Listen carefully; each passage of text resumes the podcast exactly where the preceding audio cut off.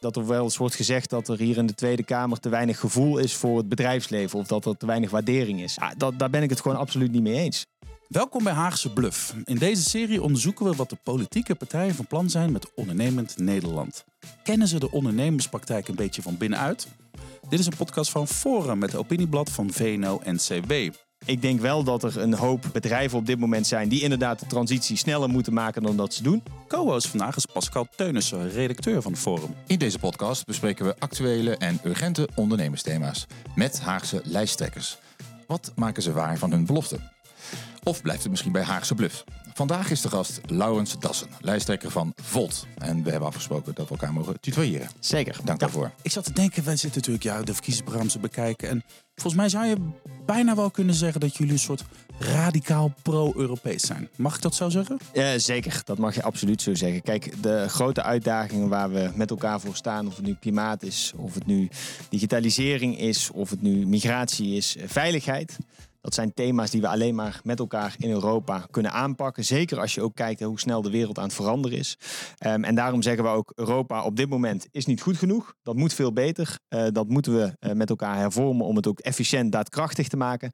Maar ja, inderdaad, de oplossing ligt wat ons betreft in Europa. Maar hoe zie jij dan de rol van de Nederlandse overheid? Is dat een soort uitvoeringsorgaan van wat er in Europa wordt besloten?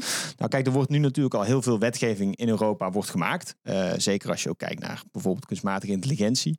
Um, en Nederland stemt daar in Europa mee in en uh, gaat het uiteindelijk ook nationaal hier implementeren. Maar goed, het een hoeft het ander natuurlijk niet uit te, staan, uit te sluiten. Ik denk juist dat het elkaar moet versterken. Maar we moeten wel zorgen dat de uitdagingen daar worden belegd waar ze het best opgelost kunnen worden. Maar toch even de belangrijke thema's worden dus in Brussel besloten. Hè? Daar gaan we, zijn we dan in Nederland een soort eh, uitvoeringsorgaan? Nee, Nederland is helemaal geen uitvoeringsorgaan. Kijk, uh, ook in Nederland hebben we specifieke thema's uh, waar de Nederlandse overheid uh, ja, oplossingen voor moet bieden, richting op moet geven, visie op moet formuleren. maar voor sommige thema's zoals klimaat, migratie, digitalisering, defensie, moeten we dat juist in Europa doen. Want daar zijn wij als Nederlanders beter vertegenwoordigd. Hoe kan of moet de Nederlandse overheid de Nederlandse bedrijven helpen in deze transities waar we nu met z'n allen naar zitten te kijken? Nou, kijk, um, we staan voor hele grote maatschappelijke transities op dit moment. En ik denk dat de overheid die alleen maar vorm kan geven samen met het bedrijfsleven. En wat denk ik heel belangrijk is, en dat hoor ik ook veel terug, is dat de overheid een duidelijke visie moet vormen op waar gaan we dan naartoe. Helderheid scheppen, duidelijke kaders, zodat bedrijven ook weten waar zijn we aan toe. Uh, maar ook de voorwaarden scheppen van oké, maar hoe komen we daar? Op dit moment weten we allemaal dat we naar een klimaatneutrale samenleving toe moeten. Dat zijn afspraken die in Europa zijn gemaakt. Uiteindelijk uh, worden dus nationaal uitgevoerd. Wij zouden eigenlijk liever zien dat dat echt Europees ook uh, wordt, wordt aangepakt. Hè? Want je hebt nu de rare situatie dat ze in Duitsland kerncentrales aan het sluiten zijn en in Nederland uh, gaan we ze openen. Um, maar daarnaast zie je ook dat in die transitie bedrijven soms nog niet de juiste kaders en voorwaarden hebben gekregen. Bijvoorbeeld de energienetten die nog niet zijn verzwaard en zijn aangelegd. Of waterstof wat nog niet voldoende aanwezig is. Waardoor bepaalde bedrijven en industrieën nog niet sneller kunnen verduurzamen. Dus daarin zit voor mij aan twee kanten een rol voor de overheid. Visie, maar ook de kaders scheppen om te kunnen doen. Je noemt zelf even die energienetten. Dat is een groot probleem op dit moment. Bedrijven willen verduurzamen. Maar die netten zijn allemaal vol. Die netten zijn vol. ik denk dat er jarenlang ook ja, te afwachtend naar is gekeken. Terwijl we wisten, we hebben veel meer energie uh, dat dadelijk door de netten heen gaat. Uh, hoe gaan we ervoor zorgen dat dat verzwaard gaat worden? Uh, daar zal nu snel in geïnvesteerd moeten worden om die kabels goed te, te, leggen met elkaar. Dus meer geld? Meer geld moet daar naartoe. maar ook moeten we met elkaar ook kijken hoe gaan we dat Europees verder uitbreiden en verbeteren. want ook daar is uh, nog heel erg nationaal uh, georganiseerd vaak. Dus ook daarin zit wat ons betreft wel weer een Europese component. En zeker ook als je kijkt naar de infrastructuur voor waterstof. Nou, die gaan we nu met elkaar aanleggen. Dat gaan we in alle verschillende landen gaan we dat doen. ik hoop dat we daar ook een Europees plaatje bij in ogenschouw nemen. Om te zorgen dat we ja, waterstof daar waar het opgewekt wordt ook makkelijker weer kunnen verspreiden. Eens even kijken hoe ondernemend jij zelf bent. Zeker. Ik uh, leg je een paar vragen en dilemma's voor om even een indruk te kunnen krijgen wat, uh, ja. hoe jouw ondernemersgeest is. Graag uh, snel en beknopt antwoorden. en eventuele toelichting die je hebt, die, die kan dan achteraf. Hoe ondernemend ben je zelf? Nou, ik denk wel dat ik heel ondernemend ben. Um, Ik bedoel, we hebben Volt vanaf eh, eh, nul opgebouwd. Eh, daar heb ik mijn baan destijds voor opgezegd. 2,5 jaar van mijn eigen spaargeld eh, eh, geleefd om het te kunnen realiseren. Dus in dat opzicht ja, was Volt natuurlijk ook een soort start-up. En is dat langzaam naar een scale-up aan het gaan. ja, ja. Aan welke ondernemer, dit is vraag 2, zouden andere ondernemers een voorbeeld moeten nemen? Ja, ehm, dat is een hele mooie vraag. Ik denk dat er heel veel mooie ondernemingen zijn. Ehm, eentje die ik zelf eh, heel tof vind is een sociale onderneming, uh, Klaboe. Ehm, zij eh, zijn aan de ene kant een sociale onderneming waarmee ze sportkleren verkopen. Ehm, en met de opbrengst daarvan organiseren zij sport in vluchtelingenkampen. Dus daar zetten ze een container neer die ze helemaal vullen met sportmaterialen. Om te zorgen dat mensen die de, oh ja, de vlucht zijn voor oorlog en geweld ook daar toch kunnen sporten. Wat is het eerste dat jij gaat doen voor ondernemers als je het voor het zeggen krijgt? Een van de discussies die ik vaak met eh, ondernemers heb en wat ik altijd terughoor is regeldruk. En wij hebben in ons verkiezingsprogramma een eh, deltaplan regeldruk staan. Ehm, en volgens mij moeten we daar echt mee aan de slag. Dat horen we graag. Vraag 4. als je een miljoen zou kunnen investeren in een ondernemersidee, wat, waar zou je voor kiezen? Oftewel, op welk idee zit de wereld te wachten? Ja, ik denk wel dat we van een miljoen dan een miljard moeten maken. Ehm, maar, Om mee te eh, beginnen, om, mee, om mee te beginnen. Ehm, en wa- wat ik eh, heel eh, tof zou vinden is kweekvlees. Ehm, ik denk dat we voor eh, ook eh, onze consumptie voor een enorme transitie staan. Eh, kweekvlees is een van de mogelijkheden om toch tot een duurzamere wereld te komen. Ehm, dus ja, daar zou ik graag toch dan dat miljoen voor gebruiken om te kijken of we dat iets, iets harder kunnen aanjagen. Heel goed. Ik leg je nu een paar dilemma's voor. Ja. Markt of overheid?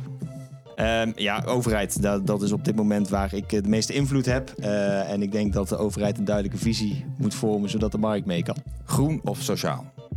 Ehm, ja, dat is geen tegenstelling. Eh, dat is, eh, eh, nee, ja, ik denk, kijk, we moeten zo snel mogelijk verduurzamen. En, want anders zijn de mensen die het nu al zwaar hebben, die hebben daar het meeste last van. Tegelijkertijd moet het wel een sociale transitie zijn. Ik weet, het is een beetje een cliché antwoord, maar ja, het- dat is het wel echt.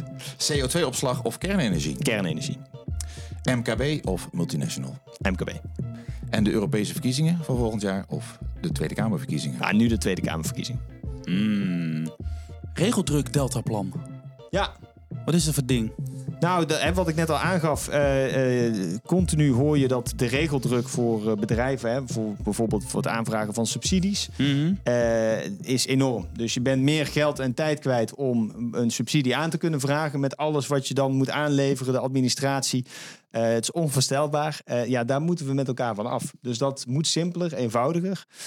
Dit is iets wat ik heel veel hoor. En toch blijkbaar komen we er niet goed genoeg uit. Want ondernemers blijven hier in elke gesprek wat ik voer, elke interview, podcast, wordt hiernaar gevraagd. Dus dat is echt iets waar ik graag mee eh, aan de slag zou willen. Maar heb- is dat Deltaplan, ligt dat al klaar? Nee, er moet een deltaplan komen. En Ah. we moeten dat natuurlijk ook samen met eh, ondernemers doen. Van waar zitten nou precies die pijnpunten? Kunnen we dat heel snel eh, noteren en kunnen we dan ook het versimpelen, de complexiteit eruit halen. En ik denk dus ook dat daarin er ook, en dat zetten wij ook in ons programma, we moeten iets meer toe naar een maatschappij van vertrouwen. Eh, dat je ook niet dus precies wil weten waar elke belastingcent naartoe gaat. Want ik denk dat je daarmee juist innovatie ook remt. Misschien is het een leuk bruggetje naar de nieuwe economie, waar ze bijvoorbeeld naar streven, Pascal. ja. We zien inderdaad in jullie verkiezingsprogramma iets heel spannends. Dat heet dan een nieuwe economie. Daar wil je voor gaan. Eh, uiteraard eh, zijn wij erg benieuwd naar wat dat dan zou betekenen voor Nederlandse bedrijven. Ja, dus ehm, we staan met elkaar voor hele grote maatschappelijke uitdagingen. En We, hadden het er net al even over eh, klimaatverandering, maar ook de vierde industriële revolutie. die er aankomt, waarin Europa eigenlijk niet echt een, een speler is. Ehm, eh, sociale ongelijkheid in de zorg. Voor ons is die nieuwe economie dus juist dat de overheid in samenwerking met ook het bedrijfsleven vorm gaat geven aan die maatschappelijke uitdaging. Maar hoe is dat nieuwe economie? Dat de overheid en bedrijven samen gaan nadenken. Wat dat lijkt me eigenlijk dus- dan ook een logische stap, toch? Nou, en het dus uiteindelijk dus dat je naar een duurzame groene eh, economie toe gaat. eh, gebaseerd onder andere op batterijen, op waterstof. eh, maar ook waar heel veel gebruik wordt gemaakt van, hè, ik noemde het net al, kunstmatige intelligentie. Mhm. eh, om te zorgen dat eh, het een, een stuk beter, efficiënter, eh, sneller eh, en, en duurzamer. Schets die nieuwe economie is. Kijk, een van de vereenvoudigingen die wij ook in ons belastingstelsel willen doorvoeren is de fiscale schoonmaak. Eh, we hebben zo'n complex belastingstelsel op dit moment met allerlei toeslagen, heffingskortingen, aftrekposten, werkgevers, werknemerspremies. Daar willen wij allemaal van af. Eh, en dat willen wij versimpelen met een eh, basistoelage, met een huishoudtoelage. Ehm, om uiteindelijk ervoor te zorgen dat je ja, een opmaat krijgt naar een basisinkomen. Daar zijn we nu nog niet. Ja. Maar dus dat is een hele belangrijke. Kijk, de nieuwe economie is ook zorgen dat je op Europees niveau belastingen gaat heffen. Eh, nu wordt dat allemaal nog nationaal gedaan. Terwijl als je echt mee wil doen in, in de nieuwe tijd, dan moet je ook Europa veel efficiënter en daadkrachtiger maken om bepaalde investeringen voor de nieuwe economie op Europees niveau te doen. Denk bijvoorbeeld mede aan die waterstofinfrastructuur. Nou, dan moet je ook middelen hebben om dat op Europees eh, niveau te doen.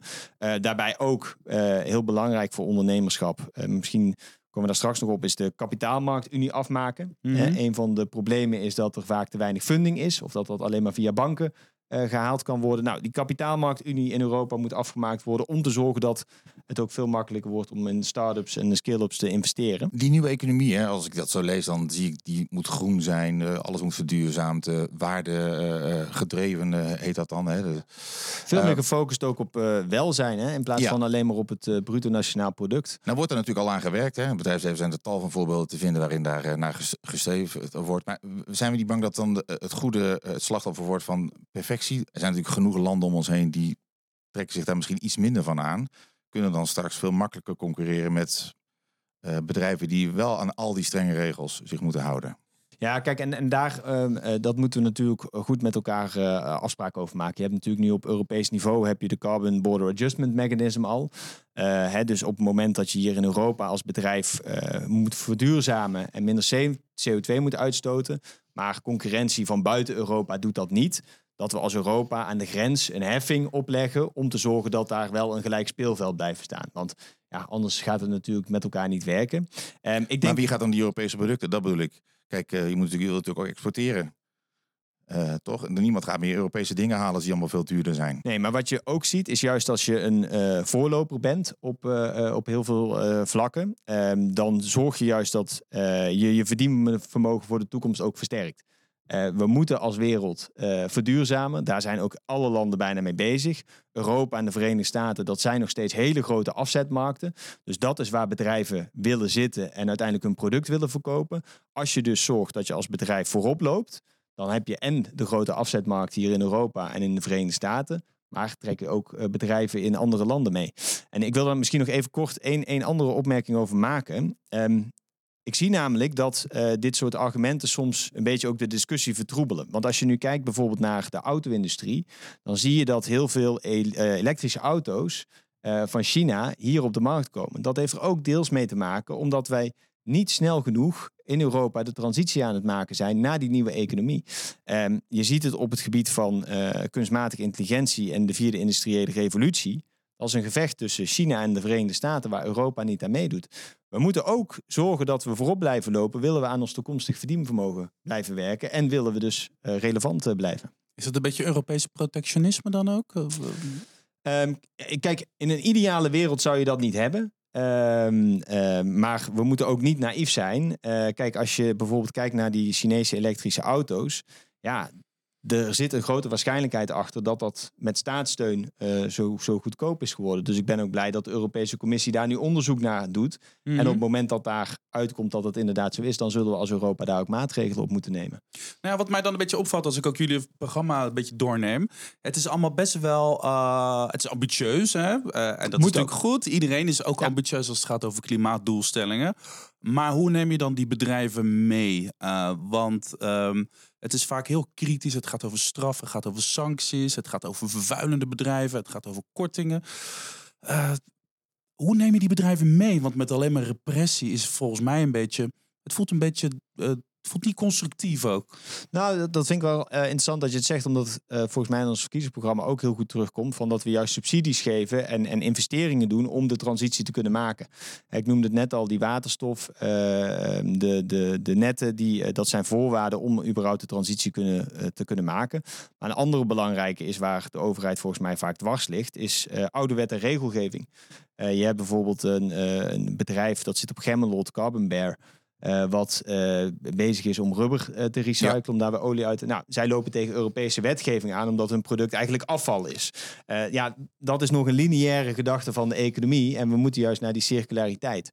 Dus ook daar heeft de overheid een hele belangrijke rol. Maar ik denk ook dat ons programma laat zien dat we bereid zijn om te investeren in die verduurzaming. En ja, ik vind ook echt, uh, we hebben niet meer de tijd om te lang bij de oude economie die fossiel is uh, te blijven hangen. Hè, waar we nog steeds miljarden aan uh, subsidies geven. Daar moeten we van af om ook te zorgen dat we dus naar die nieuwe economie toe gaan. Maar dat doen we wel ook met subsidies en investeringen in waterstof, in batterijen. Om te zorgen dat we ook die transitie kunnen maken. Oké, dus het bedrijfsleven is niet voor jou de grote boemer. Want Caroline van der Plas zei bijvoorbeeld dat sommige partijen te veel bezig zijn om die grote bedrijven als ze dusdanig neer te zetten. Hè, als uh, zakkenvullende cowboys die alleen maar vervuilen. Dat is niet iets uh, waarmee ze bij jullie, uh, ze wijst daarmee niet op jullie. Nee, nee, zeker niet. Kijk, en ik, ik, ik zie dat sommige partijen dit vaker zeggen. Hè? Dat er wel eens wordt gezegd dat er hier in de Tweede Kamer te weinig gevoel is voor het bedrijfsleven. Of dat er te weinig waardering is. Ja, dat, daar ben ik het gewoon absoluut niet mee eens. Um, ik denk wel dat er een hoop uh, bedrijven op dit moment zijn die inderdaad de transitie sneller moeten maken dan dat ze doen. En dan kijk ik zeker naar grote oliebedrijven die de verduurzaming aan het afschalen zijn. Omdat het op dit moment meer rendeert om meer olie uit de grond te pompen. Ja, dat, dat vind ik niet kunnen in deze tijd. Zeker wetende dat die bedrijven dit al zo lang weten. Um, maar tegelijkertijd uh, denk ik dat er heel veel trots ook is uh, uh, in Nederland en ook in de Tweede Kamer voor de nieuwe ecosystemen die we in Nederland ook aan het opzetten zijn. Zoals bijvoorbeeld Brainport met ASML. Heel ecosysteem van innovatieve bedrijven gekoppeld aan wetenschap, aan MBO-opleidingen om te zorgen dat daar ook het goede onderwijs gevoerd wordt. Nou, je ziet het met nanotechnologie, je ziet het met bio in, in Wageningen ja, er zit zo ontzettend veel kennis en kunde en toekomst in Nederland. Maar laten we daar ook de focus op zetten met elkaar en niet vasthouden aan het oude. We gaan even naar Europa. Pascal. Yes, we gaan naar Europa, want uh, ja, dat kan bijna niet anders. Uh, hier hangt de Europese vlag, uh, een kaart van Europa met al jullie... Zeker, met alle plekken waar wij actief zijn. Ja, je ja. kunt er hier niet omheen. Jullie zijn een super pro-Europees en streven ook naar wat jullie noemen een Verenigde Staten van Europa. Maakt ons dat niet kwetsbaar? Heeft stemmen in Nederland eigenlijk nog wel zin? Um, nee, het, het, maakt ons juist weerbaar. Um, uh, als je kijkt naar de wereld uh, om ons heen met de opkomst van China, de Verenigde Staten, waar we nog steeds voor onze veiligheid van afhankelijk zijn, maar waar het politiek steeds instabieler wordt, um, moeten wij ons in een wereld die steeds vijandiger wordt, beter uh, kunnen handhaven. En in mijn optiek, in de optiek van Volt, kan dat alleen maar als we ook een sterk en onafhankelijk Europa hebben. Om daar te komen, moet Europa hervormd worden, zodat het democratischer wordt um, en dat het met één stem kan gaan spreken in, in de wereld. Nu zie je dat landen uh, allemaal een vetorecht hebben. Nou ja, als je een veto hebt met 27 landen, ligt er altijd een land dwars vanuit nationaal eigenbelang. Uh, dan hebben we daarnaast nog Hongarije, uh, wat, uh, wat veel vaker dwars ligt. Um, ja, dat maakt een, een, een, Europa in mijn optiek niet efficiënt en daadkrachtig genoeg. Dus daar moeten er hervormingen toe. Ja. maar ik denk dat wij als Nederland uh, en ook het bedrijfsleven beter vertegenwoordigd is als we een sterk Europa hebben. En, ja. wat, en, en, wat betekent dat dan voor die MKB'er waar jij, die jij zo'n hard, warm hart toedraagt? Ja, deels uh, uh, gaat Europa, maar deels heb je natuurlijk ook nog altijd nationale wetgeving. Maar daar zit precies ook een beetje de crux en het probleem. Dus als je kijkt naar Nederland, een heel groot gedeelte van Nederland ligt aan de grens met Duitsland en België. En veel ondernemers daar hebben het probleem dat ze eigenlijk maar een soort halve afzetmarkt hebben. Want ondernemen over de grens is heel erg moeilijk. Want dan heb je meteen te maken met andere wet en regelgeving, andere belastingen, andere sociale zekerheden, waar werknemers bijvoorbeeld weer mee te maken hebben. Um, het is als je in Nederland een bedrijf hebt en je, hebt, uh, en je wilt bijvoorbeeld mensen uit Duitsland aannemen, loop je ook weer tegen allemaal uh, andere wet en regelgeving aan. Dus dat maakt het super complex. En daarin zit in mijn optiek een enorm potentieel als je dat uh, gaat oplossen. Dus juist ook voor MKB-bedrijven zit er een enorme kans als je zorgt dat nationale wetgeving veel beter op elkaar afgestemd gaat worden. Als ik naar die kaart kijk, zie ik vooral ook dat Nederland heel erg klein is. uh, ben je niet bang dat onze belangen dan dus ondersneeuwen bij die andere grotere, uh, door die andere grotere landen? Ja, maar kijk, dan zou de veronderstelling zijn dat de belangen van Nederland altijd anders zijn dan de belangen van Europa. En dat denk ik dus niet.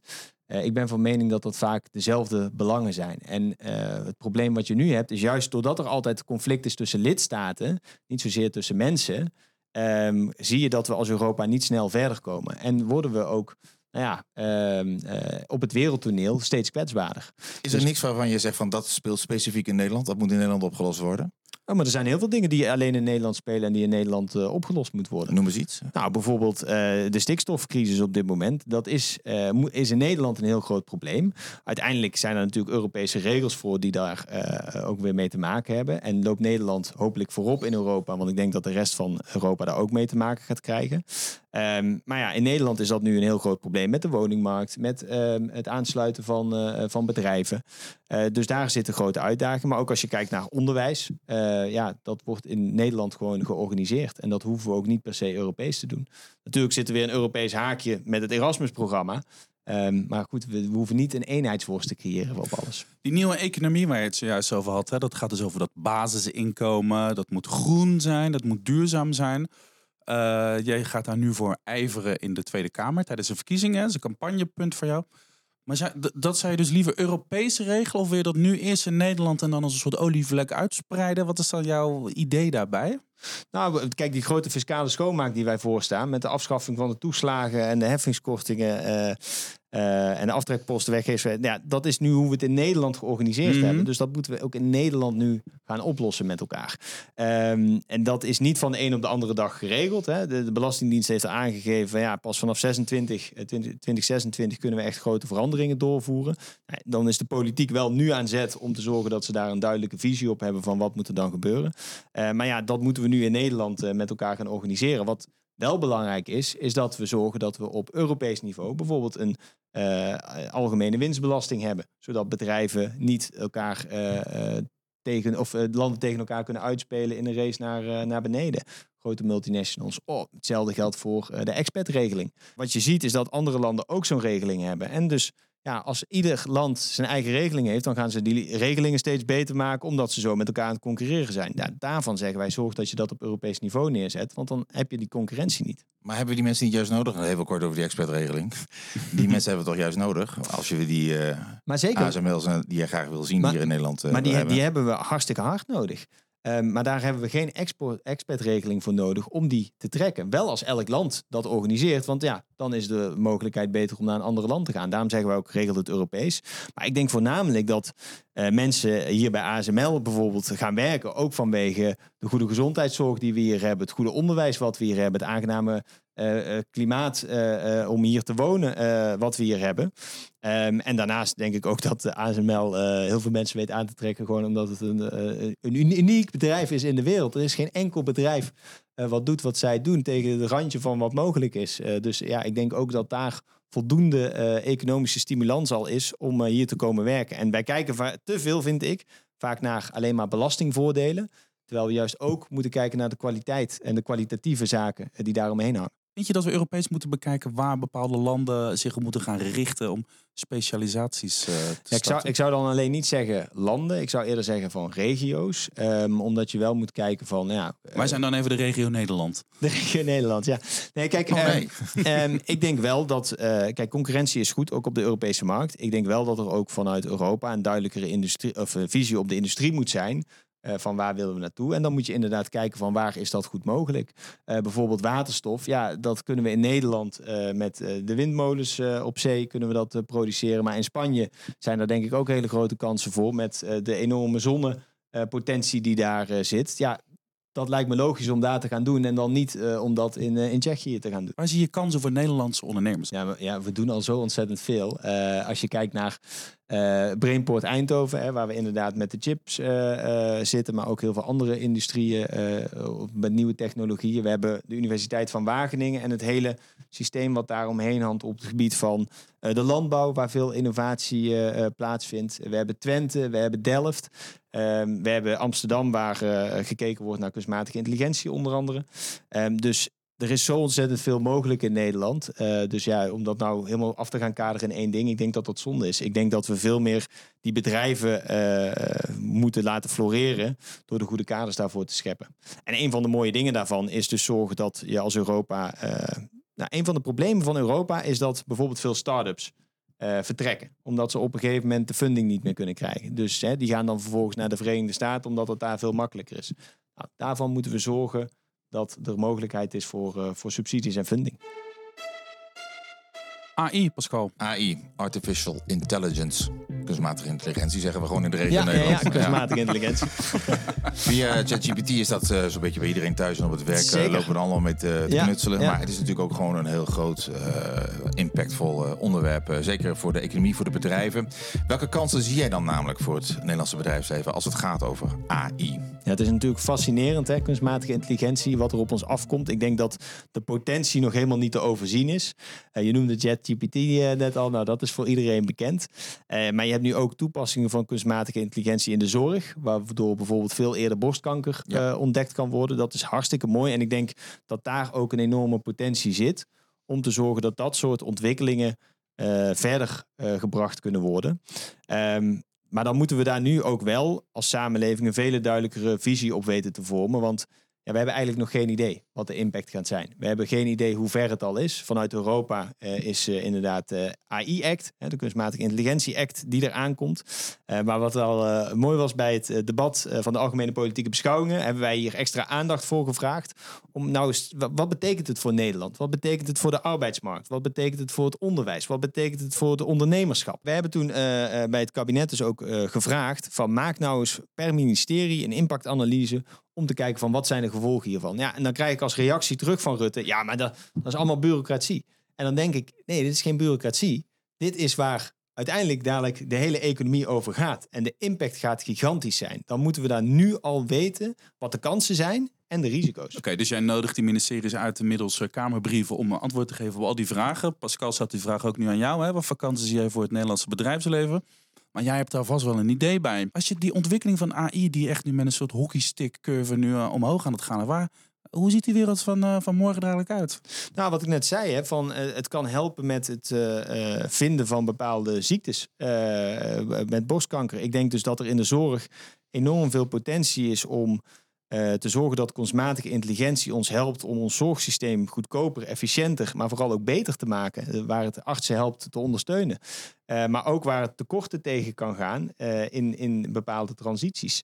Ehm, ik, ik denk dat daar de grote kansen van, van kunstmatige intelligentie zitten. Ook op de arbeidsmarkt moeten we goed kijken wat de gevolgen zijn. Ja, heel veel juridische dienstverlening zal ook mogelijk op de schop gaan. Eh, administratief werk zal mogelijk ook op de schop gaan eh, vanwege kunstmatige intelligentie. Ja, dan moeten we ook nu zorgen dat we de mensen die we opleiden, eh, niet meer opleiden voor ja, sectoren waar straks misschien AI een, een rol in gaat spelen. We zijn natuurlijk ook erg geïnteresseerd in. Er zijn heel veel bedrijven al die met AI in de slag gaan. Ja. Startups, dit wordt echt wel opgepakt ook. Hè. Er zijn ook heel veel kansen. Dus dan is natuurlijk de vraag: van wat ga je dan doen om, om die, bedrijf, die bedrijven te helpen om, om dat te laten uitgroeien tot succesvolle bedrijven? Eigenlijk wil Pascal weten hoeveel miljard heb je over voor de bedrijven die hiermee aan de Nee, slag het, gaat willen. niet, het gaat om investeringen, inderdaad. Maar eh, ja, er zullen ook al, eh, eh, factoren moeten worden gecreëerd waarin ze kunnen floreren. eh. Nou, een van de mooie punten die ik bijvoorbeeld vind, en dat is ook voornamelijk ook voor het MKB, ehm, is dat we eh, algoritme trainingscentrums eh, willen. Eh, omdat je ziet dat nou, eh, MKB-bedrijven hebben misschien niet alle data ter beschikking om een algoritme op een goede manier te trainen. Eh, die data is wel voorhanden en daarom willen wij dat dat kan in een trainingscentrum, waar je dus als MKB nou ja, uiteindelijk een algoritme ja, kunt laten trainen. Dat zijn denk ik concrete toepassingen hoe we ook eh, eh, eh, bedrijven kunnen helpen. Ehm, maar daarnaast ja, denk ik ook van er is zo'n enorme potentie hiermee. En ook in Nederland. We zijn hier het land waar onder andere de internetkabel toekomt. Aan land komt. aan land ja, ja. komt. Ehm, maar voor de fundamentele techniek van kunstmatige intelligentie zijn we nog heel erg afhankelijk van, van de Verenigde Staten. Dus vinden we ook dat er veel meer geïnvesteerd moet worden. Maar ook in de samenwerking tussen wetenschap, bedrijven en overheid. Om te zorgen dat we dus eh, onafhankelijker worden. Bij AI is dan ook snelheid geboden. Hè? Je geeft zelf wel aan de VS, China, die lopen. Ja, die lopen voorop. Daar gaat de strijd om de vierde je volgens industrie. mij al bijna van, die zijn we, als we die opletten, aan het Zeker. missen. Ehm, Maar vergeet ook niet, hè, wij zijn bijvoorbeeld ook weer heel goed in quantum, in nano. Ja. Eh, en daar lopen we al- als Nederland lopen we echt weer eh, voorop. Dus ik heb over die snelheid één vraagje. Inderdaad, want jullie zeggen ook dat eh, het, jullie willen ethische AI. Hè? Dus dat moet eh, Ja. Goed gebruikt worden, zou ik zeggen. Maar daarvoor vraag je ook om eh, controle van eh, ethische AI. Eh, we hebben helemaal geen controleurs. Er is een enorm tekort aan. Vormt dat niet een enorme bottleneck? Ehm, ja, en als we dat nu al signaleren, dus dan moeten we daar ook wat aan gaan doen om te zorgen dat er die vertraging niet steeds maar groter gaat worden. En dat is precies ook waarom we dat de overheid gevraagd hebben. Ehm, maar dat is misschien ook nog een leuk bruggetje naar een ander voorstel wat we doen. Dat zijn namelijk die sandboxes, hè, waarin je in een afgekaderde omgeving eh, technologieën kunt testen eh, die nog niet eh, voor de markt beschikbaar zijn. Ehm, en daarin, ja, zo wil je ook juist innovatie aanjagen zonder dat wet en regelgeving meteen een bottleneck gaat zijn. Jullie pleiten ook voor een minister van Digitale Zaken. En die moet misschien regie krijgen op bijvoorbeeld kunstmatige intelligentie en daar ook juist de kansen van benutten. Hoe gaat dat eruit zien? Ja, dus eh, wij willen minister van Digitale Zaken met een eigen ministerie, betekent dat dus ook. Eh, omdat je nu ziet dat eh, dit, de kennis binnen de overheid gewoon veel te weinig aanwezig is. En wij willen zorgen dat dat snel aangejaagd wordt, zodat we er bovenop zitten op deze verandering. Zowel dat het de kansen veel meer benadrukt en benut gaan worden, maar ook dat de risico's op een goede manier vormgegeven wordt. We hebben nu een eh, staatssecretaris Digitale Zaken. Hè? Is, is die invulling daarvan goed? Ik denk dat dat geen goede invulling is, want zij is ook nog van eh, koninkrijksrelaties. En in mijn optiek moet hier veel meer aandacht voor komen. Moet dat een volledige eh, aandacht ook hebben. En, en moet dat de kansen zowel voor het bedrijfsleven, maar ook de manier hoe komen we daar dan, veel meer belicht worden. Ehm, en daarnaast ja, we moeten ook zorgen dat we überhaupt iedereen bij elkaar gaan brengen. Hè, wij zeggen ook, we moeten toewerken naar een soort Europese Silicon Valley. Eh, om te zorgen dat ja, die wetenschap, eh, het onderwijs, eh, het bedrijfsleven, de overheid snappen wat hier gebeurt. En dat we daar dus ja, achter het stuur gaan zitten om daar te komen. Deze podcast heet Haagse Bluff en dat is natuurlijk niet voor niks. Wij sluiten altijd af met een belofte, met een beetje bluff voor de toekomst. Wat kun jij onze luisteraars meegeven aan de Haagse Bluff, waar we over een jaar terug kunnen komen om te kijken of het gelukt is? Nou, volgens mij is dat dat Deltaplan regeldruk. Eh, waar we na de verkiezingen mee aan de slag moeten. Om te zorgen dat de regeldruk verminderd wordt. Maar juist ook eh, daaraan gekoppeld dat we gaan investeren in die nieuwe economie. In eh, verduurzaming, in circulariteit. Maar ook in kunstmatige intelligentie. Om uiteindelijk het verdienvermogen van Nederland en van Europa voor de toekomst Oké, maar als ik nu als ondernemer dit hoor, dan denk ik van ja, Deltaplan regeldruk gaan we doen. Maar dan wil ik ook van de initiatiefnemer van het Deltaplan minstens drie voorstellen horen. Wat gaan we in dat Deltaplan opschrijven? Ja, dat gaan we dus eh, eh, na 22 november gaan we dat helemaal duidelijk schrijven. Nee, wat ik al zei, dat, dat willen we ook samen met de ondernemers doen. eh, om te zorgen dat we dat dan ook meteen kunnen implementeren. Ja, nou, het probleem is dat hiermee inderdaad dat jij hoort het vaak. Ondernemers krijgen ook vaak de belofte van ik ga het voor je oplossen, ik ga het doen. En daar blijft het dan vervolgens bij. En dan komt er weer 25% regels bij. Dus eh, ja, Ik, ik voel die hele frustratie, want ik heb hem zelf ook. Dat ik denk, ja, hoe is het mogelijk dat we hier elke keer met elkaar over moeten praten zonder dat er iets gebeurt? ja. Eh, dus vandaar ook dat wij dit. eh, Alleen al in deze manier- podcast hebben komen, al, eh, krijgen, komen de regels op ons af voor duurzaamheid, voor circulariteit. Maar ook de Er, kom- kansen. er komen regels op ons af voor eh, AI, eh, ethische AI. Er komt straks een AI-politie die ons in de gaten gaat houden waar we geen mankracht voor hebben. Dus dat zijn regeltjes, regeltjes, regeltjes. Nee, kijk, ehm, we staan voor enorme eh, uitdagingen, gigantische transities. Dat gaat heel veel onzekerheid ook met zich meenemen. de keuze die we nu met elkaar moeten maken is: gaan we het afwachten, laten we het over ons heen komen? Of gaan we achter het stuur zitten en gaan we zelf die nieuwe economie vormgeven? Wat mij betreft het laatste. En dan moeten we natuurlijk ook zorgen dat dat eh, eh, binnen de perken van regelgeving en wetgeving kan. Ja, en daarnaast de, bestaande wetten, of de, de bestaande regeldruk verminderen. Dankjewel, Laurens Dassen van Volt. Ja, Pascal, dit was er weer zo eentje. We hebben nu al een hoop podcasts opgenomen. Eh, Frans, Frans Timmermans, Rob Jetten, Caroline van der Plas. Vergeet ik nog iemand? Henry Bontebal. Henry Bontebal staat er op. We gaan nog op bezoek bij de VVD. Waar kunnen onze luisteraars al deze afleveringen terugluisteren? Uiteraard eh, kun je dat terugluisteren in je favoriete podcast-app. Of ga even kijken op eh www.opiniebladforum.nl. Dank jullie wel. Dank.